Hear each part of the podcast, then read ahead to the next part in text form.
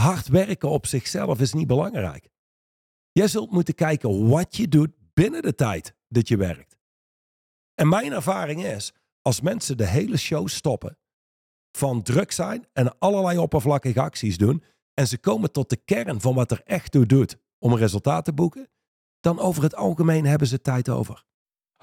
Welkom bij de Straight Line Podcast, de leiderschapsdialoog met diepgang en inhoud. Iedere week opnieuw een eerlijk gesprek over radicaal effectief leiderschap in turbulente tijden. En over winnen in het leven. Welkom bij de Straight Line Podcast met Mandy en Johan van der Put.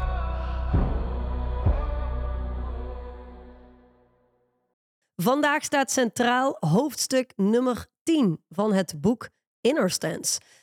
Ik duik er gewoon meteen in. Mocht je nou, zoals we op dit moment wekelijks krijgen, een nieuwe luisteraar zijn, dan zou ik zeggen: luister deze, deze aflevering van de podcast. Hij gaat zeer zeker waardevol voor je zijn. En ga vooral ook terug naar aflevering 1 van deze reeks. En dit is de Inner Stance reeks binnen de Straight Line podcast. Daar, heb je, daar krijg je goede context en een uiteenzetting van wat wij in deze reeks doen. Oké, hoofdstuk 10. Professionals versus amateurs. Dat is de titel. Wil je daar al iets over zeggen? Laat zeggen, in dit bulletin komt terug, je hebt amateurs in business en je hebt professionals. En uiteindelijk wat we zullen doen, er staan negen distincties, negen verschillende statements. Uitdiepen, zodat je voor jezelf kunt zien waar ben ik een professional, waar handel ik als amateur en wat maakt nou werkelijk het verschil. Als je kijkt naar een professioneel leven, is zo distinct anders als een amateurleven. Dus het leven van een professional. Laat zeggen, je bent een professional, dan ben je in staat om effectief door het leven te gaan, resultaten te boeken. Je bent in staat om te dealen met uitdagingen die hoe dan ook op je pad komen. Waarbij amateurs, als je kijkt naar het boek Straight Line Leadership, meer zigzaggen door het leven gaan. Het is problemen dealen meer met hen dan zij dealen met problemen. Dus het is een, een distinct andere manier van ondernemen en uh, een distinct andere manier van zijn. En Van dus door zijn. het leven gaan. Exact. Ehm, een korte aanvulling daarop is dat, ik, dat naar mijn mening professionals versus amateurs niet, zeker de distincties die hier in dit hoofdstuk doorgenomen worden, niet alleen opgaan eh, voor, voor werk, business of je carrière, maar het gaat letterlijk op voor alles in het leven. Ja, betekent niet dat je, eh, als je in je vrije tijd tennist, een professioneel tennisser moet zijn. Maar je kunt wel vanuit de professional inner stance opkomen dagen als je iets doet, ook al is het je hobby. ja. Toch? Alright. Dan gaan we naar de allereerste distinctie. Dus de eerste zin die onder de titel staat. Professionals distinguish, amateurs explain. En denk aan de uitspraak: When you explain, you lose. Mensen hebben vaak niet door dat een uitleg geen verschil maakt. En als het dan een verschil maakt, dan verzwakt het je. Als iemand te laat komt, dan hebben we altijd uitleg. Als iemand een bepaald resultaat zou boeken, maar het is niet gelukt, dan hebben we altijd uitleg. Dat maakt je niet krachtiger, het verzwakt je. En dan wil je opmerken dat resultaat heeft nooit geen uitleg nodig. Mensen die op tijd zijn, die voelen niet de behoefte om uit te leggen waarom ze op tijd zijn. Dat spreekt voor zichzelf. Dan het maken van onderscheid is iets totaal anders als uitleggen. Laat zeggen, je hebt een organisatie en er is een gebrek aan resultaat. En dat gebrek aan resultaat komt voort vanuit acties en niet-acties die mensen binnen een organisatie nemen. Als jij een amateur bent, dan ga je zitten met je team en dan ga je uitleggen, er is een gebrek aan resultaat en ehm, daar moeten we echt iets aan doen en we zullen moeten komen met oplossingen en waar ligt dit aan en dit is een probleem voor de organisatie en uitleg, uitleg, uitleg, uitleg. Ja, en het is niet alleen jij, de ondernemer, die dan uit gaat leggen, maar het is ook het team. Wat komt met uitleg waarom al die resultaten niet behaald zijn en uitgebleven zijn. Ja, exact. De teneur waar je in terechtkomt als dat is hoe je werkt, dan kom je terecht in een cirkel waarin je elkaar aankijkt. Je hebt een briljante uitleg waarom er allerlei dingen niet zijn en waarom het nu niet kan. En dan kijk je om je heen en dan lijkt het onmogelijk om resultaat te boeken. Dus een professional maakt onderscheid. Die gaat zitten en die zegt, luister. Als wij hier binnen het bedrijf resultaat willen boeken, dan zullen we zaken anders aan moeten pakken. Zoals jullie weten, is er een enorm verschil tussen oppervlakkige acties en kernacties. Het zijn namelijk kernacties die leiden tot resultaat. Oppervlakkige acties, daar kun je uren en dagen mee verslijten, maar het levert weinig tot niks op. Dus maak eens voor jezelf onderscheid. Waar houden we ons mee bezig? En categoriseer het en is dit een oppervlakkige actie of is dit een kernactie? Nu, iedere professional weet, resultaat is afkomstig vanuit acties. En niet iedere actie leidt tot resultaat. Sterker nog. Tot, in ieder geval tot het gewenste resultaat. Nee, nee. En als je kijkt naar een organisatie, er zijn vaak maar een aantal dingen die er echt toe doen. En er wordt wel eens gezegd, 80% van je resultaat komt voort uit 20% van je acties. Dus hoe meer mensen focussen op de dingen die ertoe doen en in kaart kunnen brengen wat er niet toe doet en ze halen dat uit de organisatie, dan is er over het algemeen een rechte lijn naar resultaat. Je zult als professional onderscheid moeten maken, zodat dingen helder worden en je komt tot oorzaken en vooruitkomt. Amateurs dealen in uitleg en er zit geen kracht in uitleg, maar ook geen toegang tot actie. En het is altijd een actie of een niet-actie die je uit de problemen haalt en tegelijkertijd ook kan brengen. Ja, exact. Het is altijd een actie die iemand wel of niet gedaan heeft. Die heeft geresulteerd in ongewenste resultaten. En dan komt er een heel mooie uitleg waarom ze die actie wel of niet gedaan hebben en waarom dat resultaat er dan is. Terwijl eigenlijk wil je confronteren dat een bepaalde actie wel of niet gedaan is, die wel of niet gedaan had moeten worden. Ehm, en op het moment dat, dat je dat confronteert, dan kom je ook direct tot de kern. Dat is wat ik jou wil zeggen. Ja, absoluut. in plaats van dat je blijft dealen met oorzaken. Een ander voorbeeld. Stel, je hebt een, een vriendengroep en uh, een aantal vrienden die hebben een investering. En je zult nu geld moeten investeren. Bedenk maar een bedrag. En luister, in twaalf maanden tijd zijn wij in staat om dit te verdubbelen. Nou, over het algemeen zou ik zeggen wegrennen als je zoiets hoort. Maar één keer in de zoveel tijd zou het kunnen zijn dat je in contact komt met zo'n investering. Je wil dat je vrienden daarmee mee, uh, aan kunnen mee profiteren. Dus je gaat zitten met je vrienden en dan zegt eentje: Goh, ja, ik zou echt heel graag mee willen doen. Heel graag. Maar uh, ja, dat gaat niet. Maar ik heb op dit moment nauwelijks geld. En je zou, als je een straight line coach zou hebben, die zou het volgende onderscheid kunnen maken. De twee zaken staan los van elkaar. En iemand, huh? Nou ja, jij die geld investeert, staat nog steeds los van jij die op dit moment geld hebt. Je zou erop uit kunnen gaan en in contact komen met uh, mensen die wel geld hebben, die bereid zijn een investering te doen. In dit geval in jou of in die investering. Die zullen mee willen profiteren. Maar dan ben je in staat om daadwerkelijk mee te doen. Maar wat mensen doen is geen onderscheid maken. Dus er is niet eens een mogelijkheid om ergens in te investeren. En denk ook aan een ondernemer die eigenlijk moet investeren om vooruit te komen met zijn bedrijf, om mee te zijn voor de toekomst, maar, maar nu niet het geld heeft om dat te doen. En die loopt rond met, ja, maar het gaat niet. Well, the two things are separate. Jij die geld investeert versus jij die geld hebt. Ik bedoel, als jij een ondernemer bent en je hebt een netwerk en ook enigszins een krachtig netwerk, dan kun je erop uit. Je kunt verzoeken doen, het geld genereren, lees lenen, investeren, succes boeken, terugbetalen. Is wat duizenden ondernemers doen.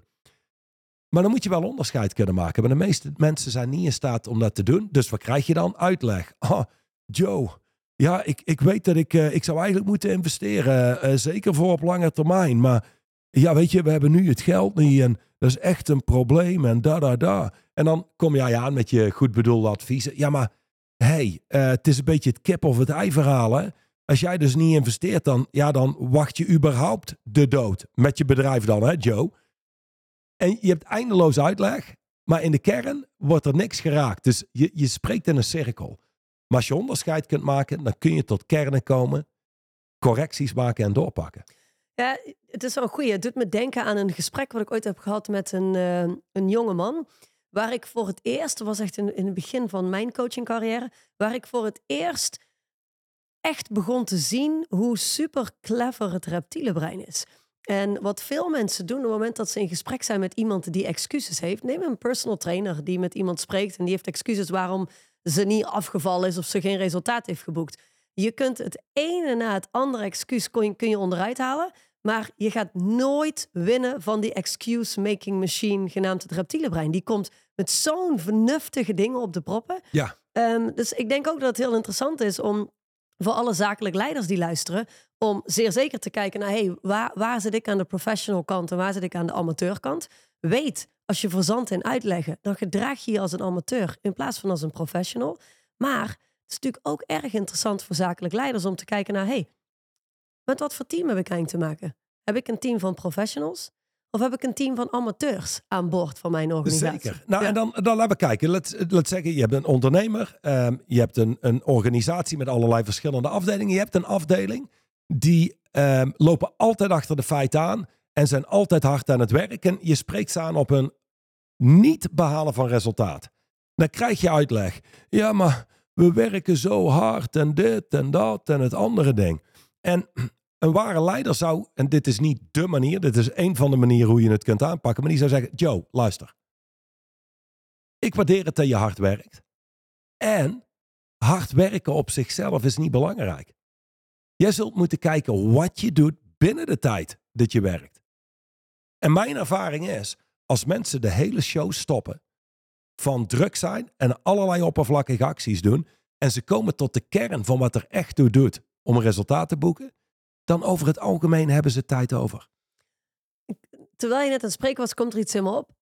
Zou je dan kunnen stellen dat als mensen extreem druk zijn, oh druk, druk, druk, druk, ja, ik heb het zo druk, druk, druk, dus ik krijg het allemaal niet, niet verwerkt, hè, en ze hebben druk, druk, druk, druk, dat je dan in de basis al heel snel met een amateur te maken hebt. Want professionals, die hebben het over het algemeen nooit te druk. Die hebben gewoon heel helder waar hun commitments liggen, wat de prioriteiten zijn, wat eerst moet, ehm, en lopen niet als een kip zonder kop rond te rennen.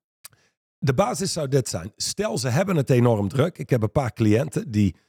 We zitten richting het einde van het jaar. Ja. En die zitten propvol met werk. Eh, dat het is, hé, hey, luister. Die lopen, die lopen niet rond met druk, druk, druk, druk, druk. Mhm. Maar zijn wel dat team, wat, laat zeggen, 40 uur per week eh, op de loonlijst staat, zijn 60 uur per week aan het werk in deze periode. Ja. Dus hey, je hebt momenten, dan zou je kunnen zeggen, er is veel werk te doen of het is druk, hoe je het wil labelen. Ehm, maar het is absoluut amateurgedrag, druk te lopen rondrennen en geen resultaten boeken. Of weinig resultaten Hmm. boeken. Dat betekent, als het druk is en iedereen is eh, hard aan het werk, dan zou je dus ook gigantisch veel resultaat moeten zien. Zie het als, ehm, Elon Musk neemt Twitter over. 80% loopt weg of wordt ontslagen. 20% blijft over. Zijn perfect in staat om de hele tent door te runnen. En sterker nog, Door te ontwikkelen. door te ontwikkelen. Sneller dan dat ze konden met dat gehele team. Ongetwijfeld dat iedereen het daar druk. Maar de vraag is, maar waarmee? Hmm. Oppervlakkige acties, kernacties, krachtige acties, zwakke acties. Eh, beweegt dit onze missie vooruit? Beweegt dit jouw missie vooruit, wat we hier aan het doen zijn? En als je daar doorheen snijdt, dan zul je zien dat je met relatief weinig mensen gigantisch veel werk verzet kunt krijgen.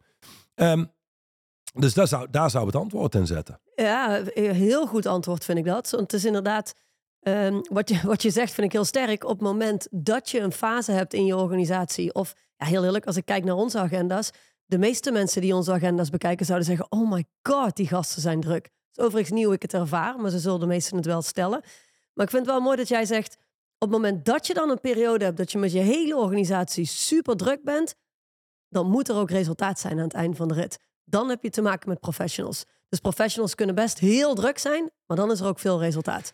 En als er Maar- maar- heel veel ja. drukte is en er is weinig tot geen resultaat, dan heb je gewoon te maken met een team amateurs. Waarschijnlijk ook met een amateur-leider. Ja, en dan wil je nog kijken naar waar ze vandaan komen. De, de inner stance waar ze vandaan komen. Dus ik had het daar laatst over met een, eh, een één op één cliënt. We zaten bij mij thuis en het ging over geleid worden door een interne werelddialoog. Geleid worden door een reptiele brein. Zeg, weet je wat het is?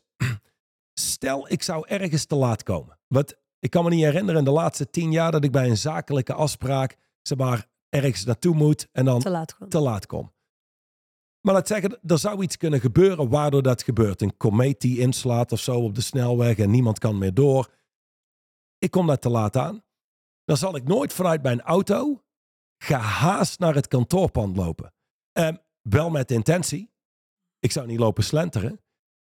de stem in mijn hoofd die zegt: Oh my god, ik ben te laat. Ik ben niet op tijd. Kom snel naar binnen. Die stem zal nooit groter zijn dan ik. Ik ben nog steeds degene die bepaalt hoe ik op kom dagen, hoe ik daar naar de kantoorpand loop. En dat zie je bij amateurteams. Die worden wel geleid door die stem in hun hoofd. Dus wat je krijgt als je niet oplet, is een team van wat je zou noemen busy, busy, go, go, victims. Oh, victims. Ja. Ja. Ja, en er zijn dus degenen die, die zie je zo gehaast uitstappen om zich Ja. heen kijken. Nog een blik in de auto of ze alles mee hebben. Gooien de autodeur dicht. ehm, rennen bijna naar, eh, naar Naar het de balie. Ja, Exact.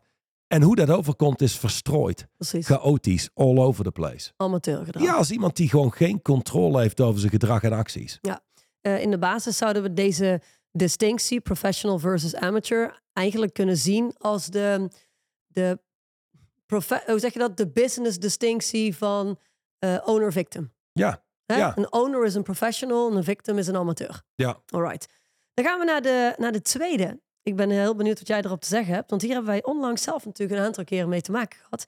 De- In de, Professionals afgelopen eh, tien jaar. in de afgelopen tien jaar. ja, inderdaad. Eh, professionals create, amateurs copy.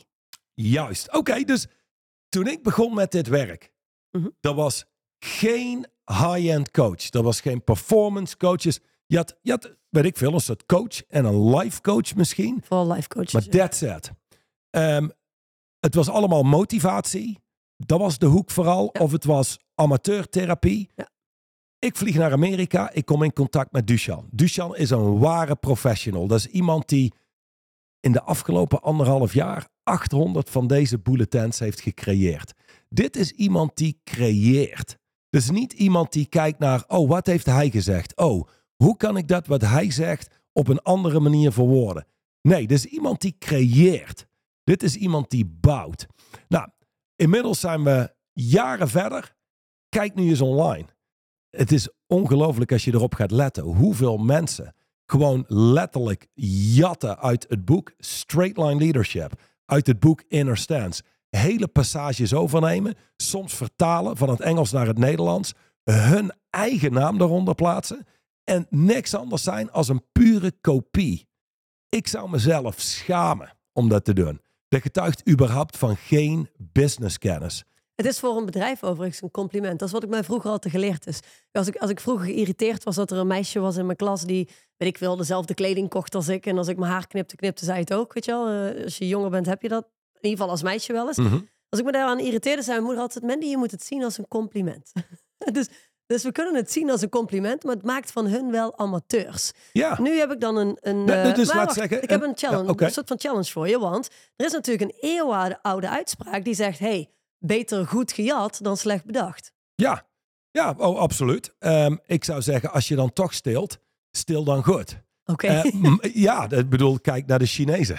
Ik bedoel, eh, die hebben in de afgelopen jaren zo'n beetje alle patenten genegeerd. En eh, intellectueel eigendom en noem maar op. En, en die hebben dat gejat met twee handen.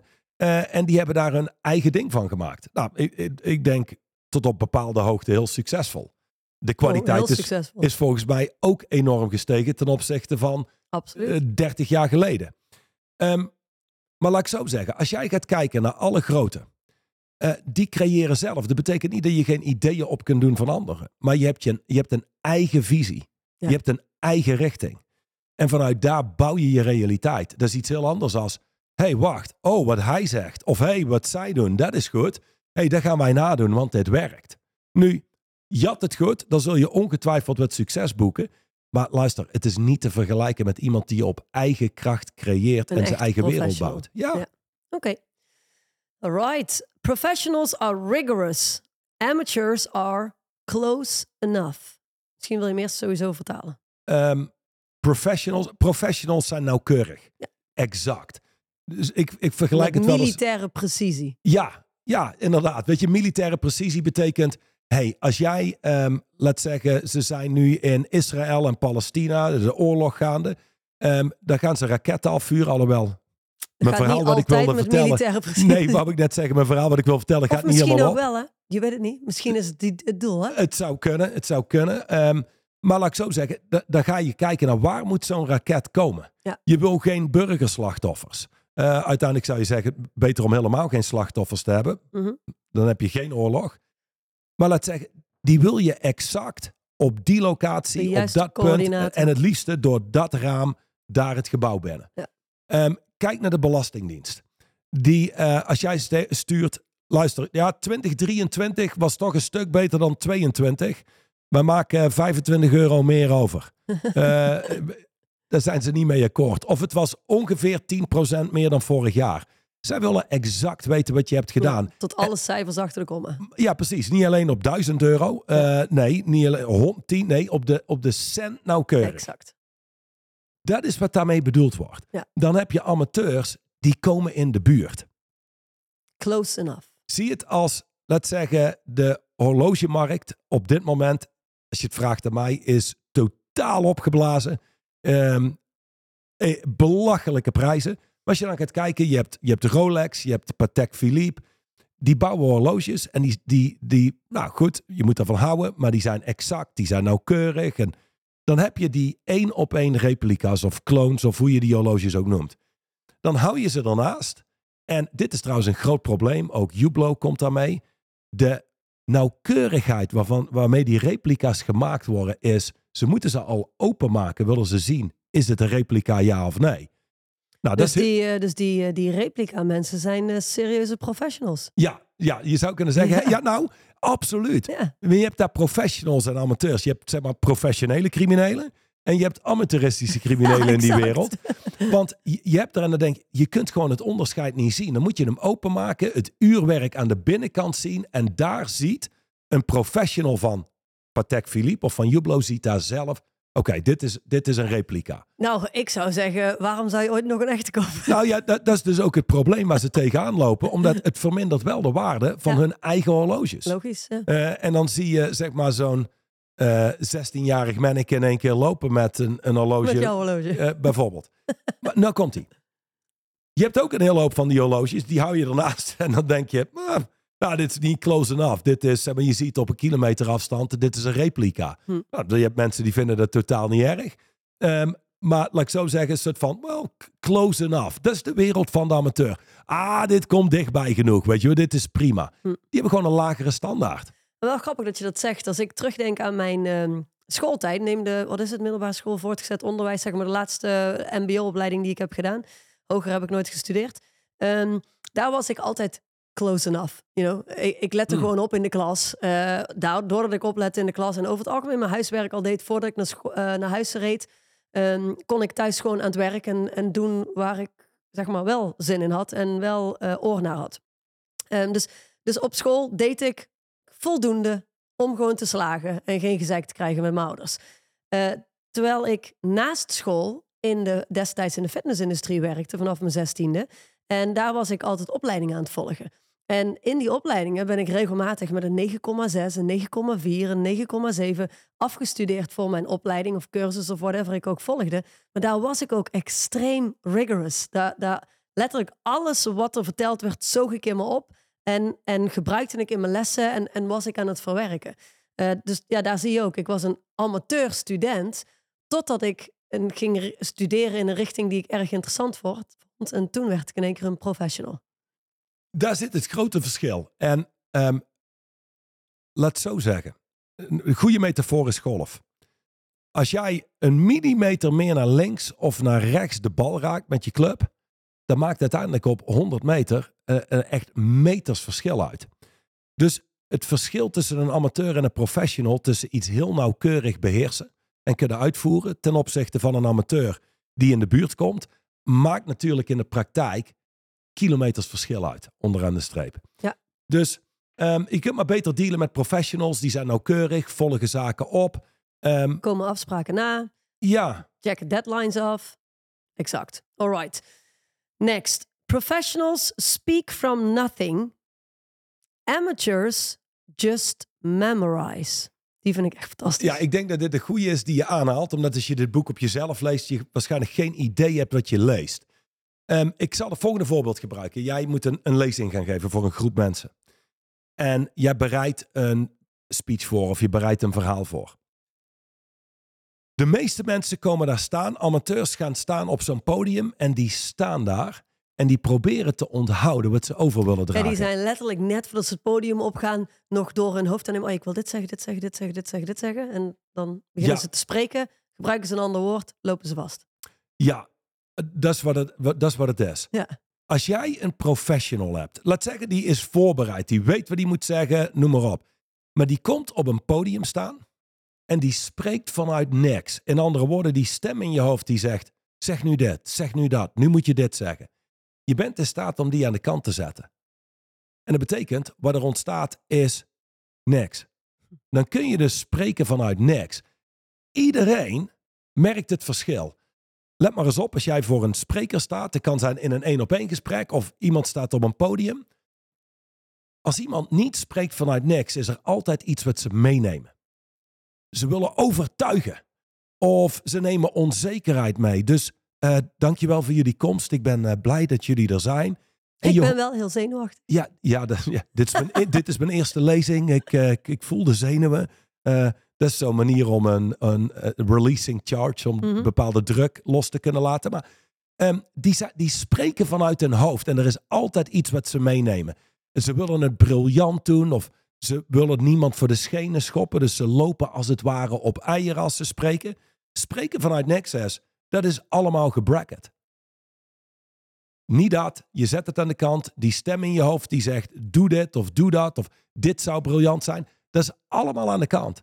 En dat betekent dat je daadwerkelijk kunt spreken vanuit niks. Je bent gewoon daar aanwezig. Niet overtuigen. Niet briljant willen zijn. Duchamp zou zeggen: Well, there is just a man or just a woman delivering a speech, nothing else. No fat on the bones. Geen vet op de botten, niks overtolligs. Gewoon iemand die daar staat en die doet wat hij moet doen. Eh, Dus als jij kijkt naar een topsporter, is exact hetzelfde. Ik wou net zeggen, ehm, wat je vertelt doet me denken aan Michael Jordan. Ja, nou dus laat zeggen, Michael Jordan traint, dribbelt, schiet, paast. Dat zit allemaal in zijn systeem. He can do it like breathing. Die hoeft niet meer na te denken. Als jij het veld op gaat en jij wil daar het veld op en dit gaan doen vanuit je hoofd, de stem die zegt, nu moet je naar daar lopen, nu moet je naar daar lopen en dan doe je dit. Dan ben je überhaupt veel te traag om in het moment Te direct te kunnen anticiperen Ja. en, en om te gaan met de situatie die zich afspeelt. Een professional die loopt het veld op, die neemt al die bagage mee en creëert vanuit niets. Is in het moment aanwezig, in staat om te dealen met wat je voor je hebt. Dat betekent voor een spreker die in één keer een vraag krijgt vanuit het niks, die is in staat om daarop te antwoorden of gepast mee om te gaan. Het kan zijn, dankjewel voor je vraag. Ehm, dit is niet het moment om eh, op dit punt van mijn lezing inbreuk te doen. Ik parkeer de vraag en ik kom er direct na mijn stuk op terug. Ik ben nog 15 minuten dit uiteen aan het zetten en dan kom ik bij je terug. Wat dan ook gepast is in het moment. Ja. Ik, ik weet Maar nog, het is dus ik, Oh, had, ik heb ja. een keer een, eh, ik gaf een lezing. En ik denk dat er een 200 man in de zaal zat. Het was in Nieuwegein. Ik was 15 minuten aan het spreken. En ik weet nog dat ik überhaupt in het begin had gedeeld, luister. Waar we over gaan spreken is de wereld van prestaties. En ik zal een aantal dingen delen die je wellicht leuk vindt of prettig vindt om te horen, maar ook misschien dingen die je liever niet hoort. Eh, en dat is oké. Eh, kijk wat je daarmee kunt. Je hoeft niet eens te geloven van, van wat ik zeg. En besef ook, ik weet ook dat wat ik deel is niet voor iedereen. Ik begin te spreken, ik zet een aantal zaken uiteen. En er zit zo iemand in de zaal die heel duidelijk zucht en met zijn arm over elkaar, dat je al weet, die gaat dadelijk komen met iets. Na 15 minuten, die staat op en die zegt, wie gelooft deze bullshit? Ik vind dit echt bullshit. Nu, er spookt van alles door je hoofd op zo'n moment. Een stem, oh shit, of van alles. Te veel om gewoon nu te bij kunnen zeggen wat het is. vuile mother effer. Zoiets onge- zal er bij jou. Ongetwijfeld. Zit van, hé, hey, luister, ik, eh whatever, inderdaad. down. Maar dit was mijn reactie. Oké, dankjewel voor je feedback. Ehm, luister, ik heb nog een aantal zaken uiteen te zetten. Ik wil geen inbreuk doen op iemands tijd hier. Ik wil respectvol zijn aan jullie tijd en aan mijn tijd. Dus ik zet deze uiteenzetting verder. Ehm, er zijn twee opties. Of je gaat zetten en je blijft erbij. En er is misschien nog iets wat je meeneemt uit de lezing. Of als je zegt, hey, dit bevalt me niet. Niks is voor iedereen, dat begrijp ik. Dan zou ik zeggen, pak je spullen en vertrek. En, en die man kijkt zo verbaasd om zich heen. En die pakt zijn tas en die loopt de deur uit. En ik pak door met mijn verhaal. Ehm, ik denk dat dat een, een, uiteindelijk terugkijken naar die lezing en achteraf de mensen die naar me toe kwamen. Dat was een krachtig statement. Want wat zouden de meeste mensen doen? Zijn die in staat om te creëren vanuit niks? Een soort van, oké, dit gebeurt. Een soort van, er speelt zich een rel af in je hoofd. Ik zet het aan de kant en laat ik gepast omgaan met de situatie. Maar wat zouden veel mensen doen? Die zouden vervallen in uitleg. Veel mensen zouden gaan uitleggen en verdedigen waarom dat wat zij zeggen wel iets is wat je moet geloven. Dat is wat amateurs zouden doen. Wat jij echter deed, was het tegenovergestelde. You distinguish en je gaf hem de optie. Luister, ik wil je tijd niet, uh, niet verdoen. Ik wil geen inbreuk doen op jouw tijd. Zoals ik ook apprecieer als mensen dat niet doen op mijn tijd. Dus ja, of blijf zitten of vertrek. Je, hebt, je, hebt heel mooi gedistinguished daar. Wat um, ik zojuist wilde zeggen, wat hier mooi op aansluit, is... Wat daarvoor wel heel belangrijk is, dat je competenties hebt. Want Michael Jordan, die zei... Um, zonder jouw voorbeeld af te willen breken, die zei niet al die bagage neem je mee. Die, ja, hij neemt natuurlijk al die bagage in het systeem mee. Maar Michael Jordan zegt letterlijk: het moment dat ik het speelveld oploop, liep en een wedstrijd moest spelen, liet ik alles buiten het veld. Maar dan ook alles. Alles wat mijn coach, mijn coach ooit had gezegd. Alle trainingen waarvan ik vond dat ging niet helemaal goed. Hij, liet, hij liet alles achter en hij was er gewoon. En hij creëert vanuit niks. En hij creëert vanuit niks. En waarom kon hij dat? En dan geeft hij zelf ook aan, omdat hij in staat was om te vertrouwen op zijn training. Maar waarom kon hij vertrouwen op zijn training? Omdat hij ook hard gewerkt had en competent was. Ja. En dat is natuurlijk wat in onze podcast vaker voorbij is gekomen. Competenties tegenwoordig um, is, is, is niet per se hoog op het prioriteitenlijstje van veel mensen. Nee, nee, de werkethiek is wat dat betreft wat veranderd. En, um, ja, het, is, het is vaak uh, close enough ja. in plaats van rigorous. Michael Jordan was rigorous in, in, in ja, whatever. Nou, en dat is het ding, maar... want als jij het veld opstapt, en of het nou een basketbalveld is of uh, jouw speelveld in, binnen je organisatie, als jij moet gaan nadenken over wat je daar nu moet gaan doen, dan is het gewoon game over. Ja. Dus je hebt skills nodig waar je op terug kunt vallen. Ja, dan wil ik er nog eentje uitpakken die hier, vind ik, heel mooi op aansluit. En dat is um, niet de volgende, maar die daarna. Professionals are present. Mm -hmm. Amateurs compensate with personality. Dat is wat je net natuurlijk zei, hè? Dat, dat sprekers op een podium die niet gewoon uit, uit, het, uit, uit niks kunnen komen, vanuit niks kunnen komen, maar die, die nemen al een hele hoop met zich mee. Daar is heel veel gaande. En wat je dan over het algemeen ook ziet, is heel veel persoonlijkheid. Kun je daar iets uh, meer kleur aan geven? Wat bedoelen we daar? Ja, je hebt toch uh, quizmasters, zijn een goed voorbeeld. Ah, ja. Um, die brengen zoveel theater om je aandacht vast te houden. Ja. Um, wat nodig is, het is tv, mensen zitten wat, daaruit gecheckt. Dus, wat daar gepast is. Uh, ja, prima. Ja. Dus prima om te doen. Um, maar kijk naar een, een ander voorbeeld. Ik wil zeggen, dan ben je gewoon een professionele quizmaster. Dus dat is prima. Uh, ja, exact. Maar dat is wel ja. een goed voorbeeld. Want als je het vergelijkt met, uh, zie het als een autoverkoper. Degene die niet heel skilled is, die, heeft, die, die compenseert dat vaak met zijn personage. Dus die is extreem vriendelijk of extreem glad of heeft overal een oppervlakkig antwoord op. Ja. Uh, zonder echte diepte in te gaan. Voor de mensen die luisteren en denken, ik ben het eventjes kwijt, wat bedoelen ze met de persoonlijkheid? Een persoonlijkheid is natuurlijk iets wat je gebouwd hebt in je leven als overlevingsmechanisme. Dus dat is, dat is altijd uh, jij die niet, hon, ja, die niet, zeg maar, de, de, ja, hoe noem je dat, de echte ik, hoe zou jij het omschrijven? Jij die niet gewoon puur neutraal aanwezig kan zijn en in interactie kan gaan met iemand anders. Maar het is altijd je overlevingsmechanisme dat probeert voor elkaar te krijgen wat je voor elkaar wil krijgen. Of dat probeert te manipuleren of whatever het dan ook is. Ik zal een simpel voorbeeld geven. Ja, met, met, met, persoonlijkheid. die persoonlijkheid. Dus Precies. een persoonlijkheid is gebouwd uit de angst om niet te kunnen overleven in exact. je jeugd. Nou, dan word je ouder en laat zeggen, je gaat voor het eerst, ik weet niet of ze dat tegenwoordig nog doen, maar je gaat naar een discotheek. En je bent als jongen niet zo heel handig met meisjes. Dus wat doe je dan? Je kijkt naar iemand die wel succesvol is. En die heeft een, een andere persoonlijkheid. Die is wat sneller, wat gladder en heeft overal een antwoord op. En hey, wij beginnen dat over te nemen, want wij willen ook succes. Ja. Uh, en goed, daar verandert dan ook vaak onze persoonlijkheid. Nou, dan gaan we tien jaar verder de tijd in. Inmiddels, je gaat misschien wat minder naar de discotheek. Je bent ouder, je hebt, uh, bent van school af, je hebt werk. En nu ga je verkopen. Nou, dan vervolgens ben je met iemand in gesprek. En, en het ziet er ergens naar uit dat iemand misschien helemaal niet bereid is om te kopen. Of hij is helemaal niet enthousiast. Of Je denkt op te pikken dat iemand niet enthousiast is. Wat het doet is, een personage neemt het over. Een persoonlijkheid neemt het over. Dus ze worden gladder en sneller in hun spreken.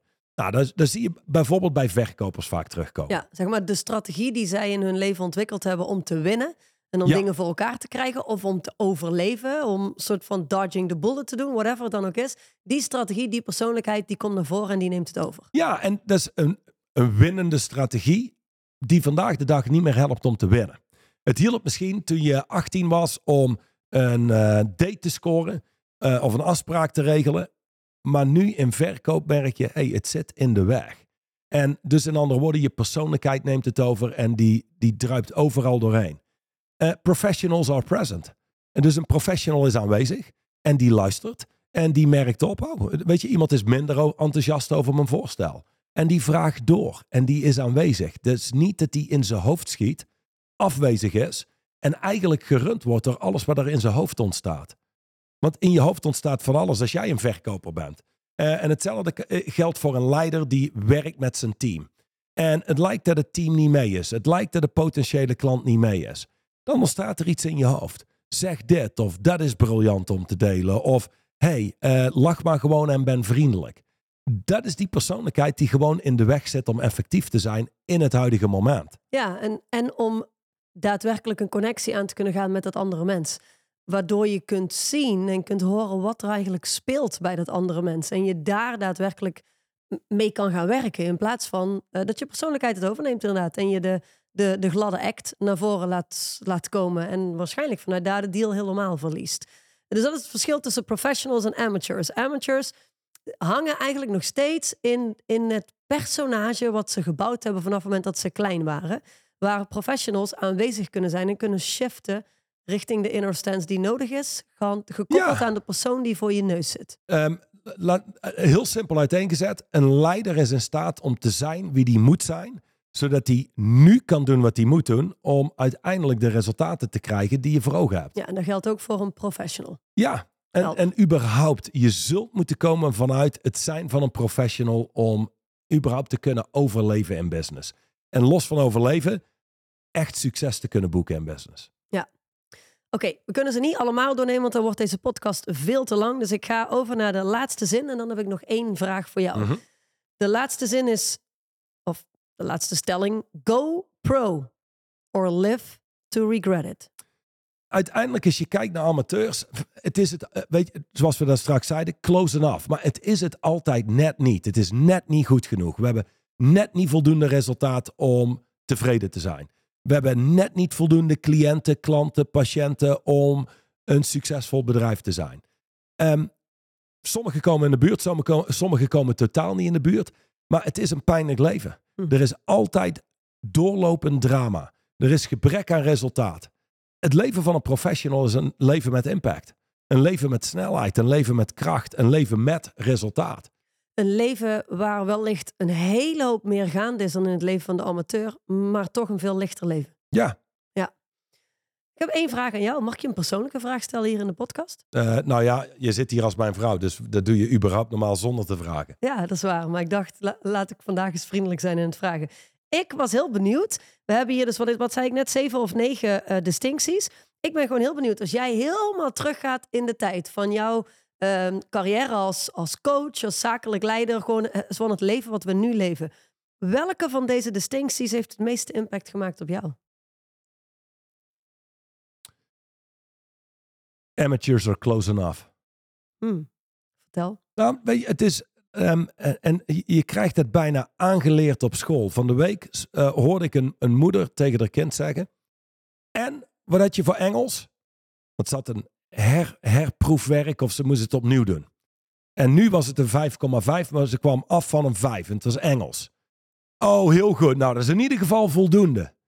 En toen dacht ik, hm, dat is wel wat mij is aangeleerd. Vroeger al, oh, hey, en dan niet, niet zozeer door mijn ouders, maar wel door de, door de rest van de klas. En, Ja. en, Ja. en, en, en inderdaad het systeem. Weet je wel, vijf en een half is voldoende om over te kunnen gaan.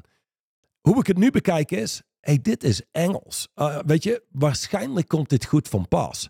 Ehm, het zou sowieso goed zijn voor het schoolsysteem om iemand überhaupt te leren waarom Engels van pas komt. In plaats van je moet het leren, want je moet het leren. Mm. Waarom komt het van pas? Voor de meeste van jullie, als je kijkt naar Engels, een wereldtaal, eh, business, whatever.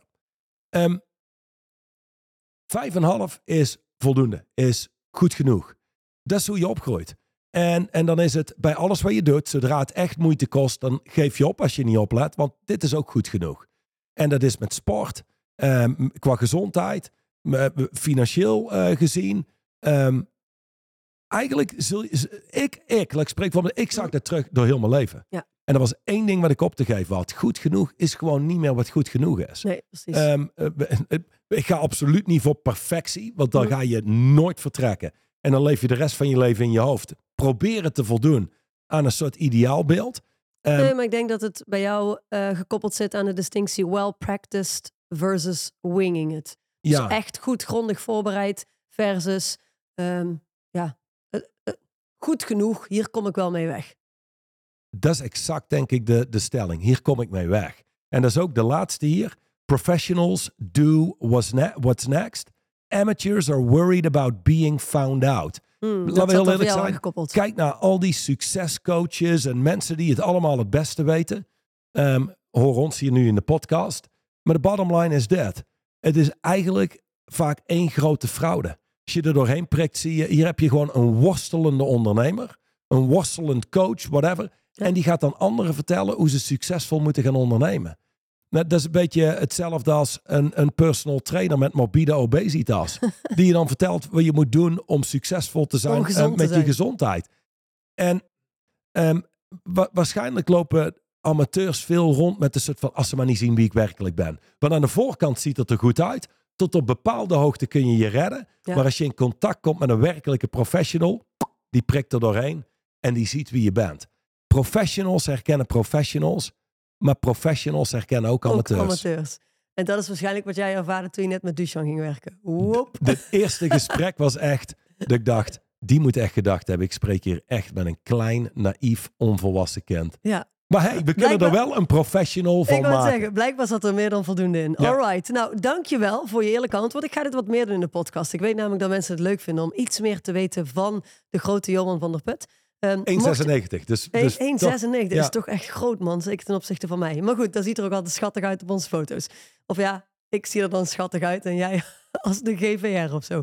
Alright, um, dankjewel weer voor het luisteren. Volgende week zijn we er opnieuw, uiteraard, met een podcast over, of uit de reeks van Inner Stance. En die podcast van volgende week, die heet It Takes Strength. Om weer op te komen dagen en opnieuw te luisteren. Tot dan. Tot volgende week. De Straight Line podcast is opgebouwd uit verschillende reeksen. En uiteraard zijn we de eerste reeks gestart met het verdiepen van het boek Straight Line Leadership. De originele ondertitel van dit boek was Tools for Living with Velocity and Power in Turbulent Times. Oftewel, dit boek staat vol met distincties die jou helpen te leven met opwaartse snelheid en met kracht. In dit boek vind je de absolute basis van ons werk. Nu, nu zijn we begonnen met de tweede Straight Line podcast reeks. En die staat in het teken van het boek Inner Stance. Distinctions for living a stronger, faster, more effective life.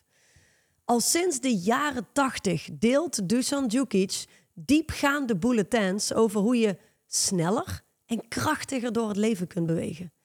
Deze bulletins hebben een enorme impact gemaakt.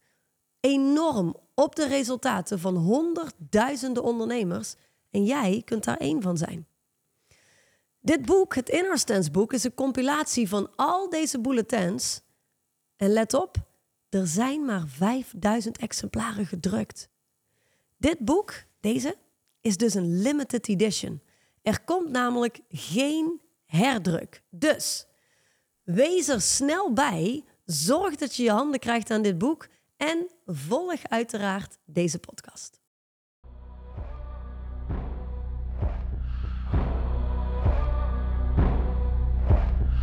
De overige podcast beluisteren of deze nog eens terugluisteren? Ga naar het YouTube of Spotify account van Straight Line Leadership.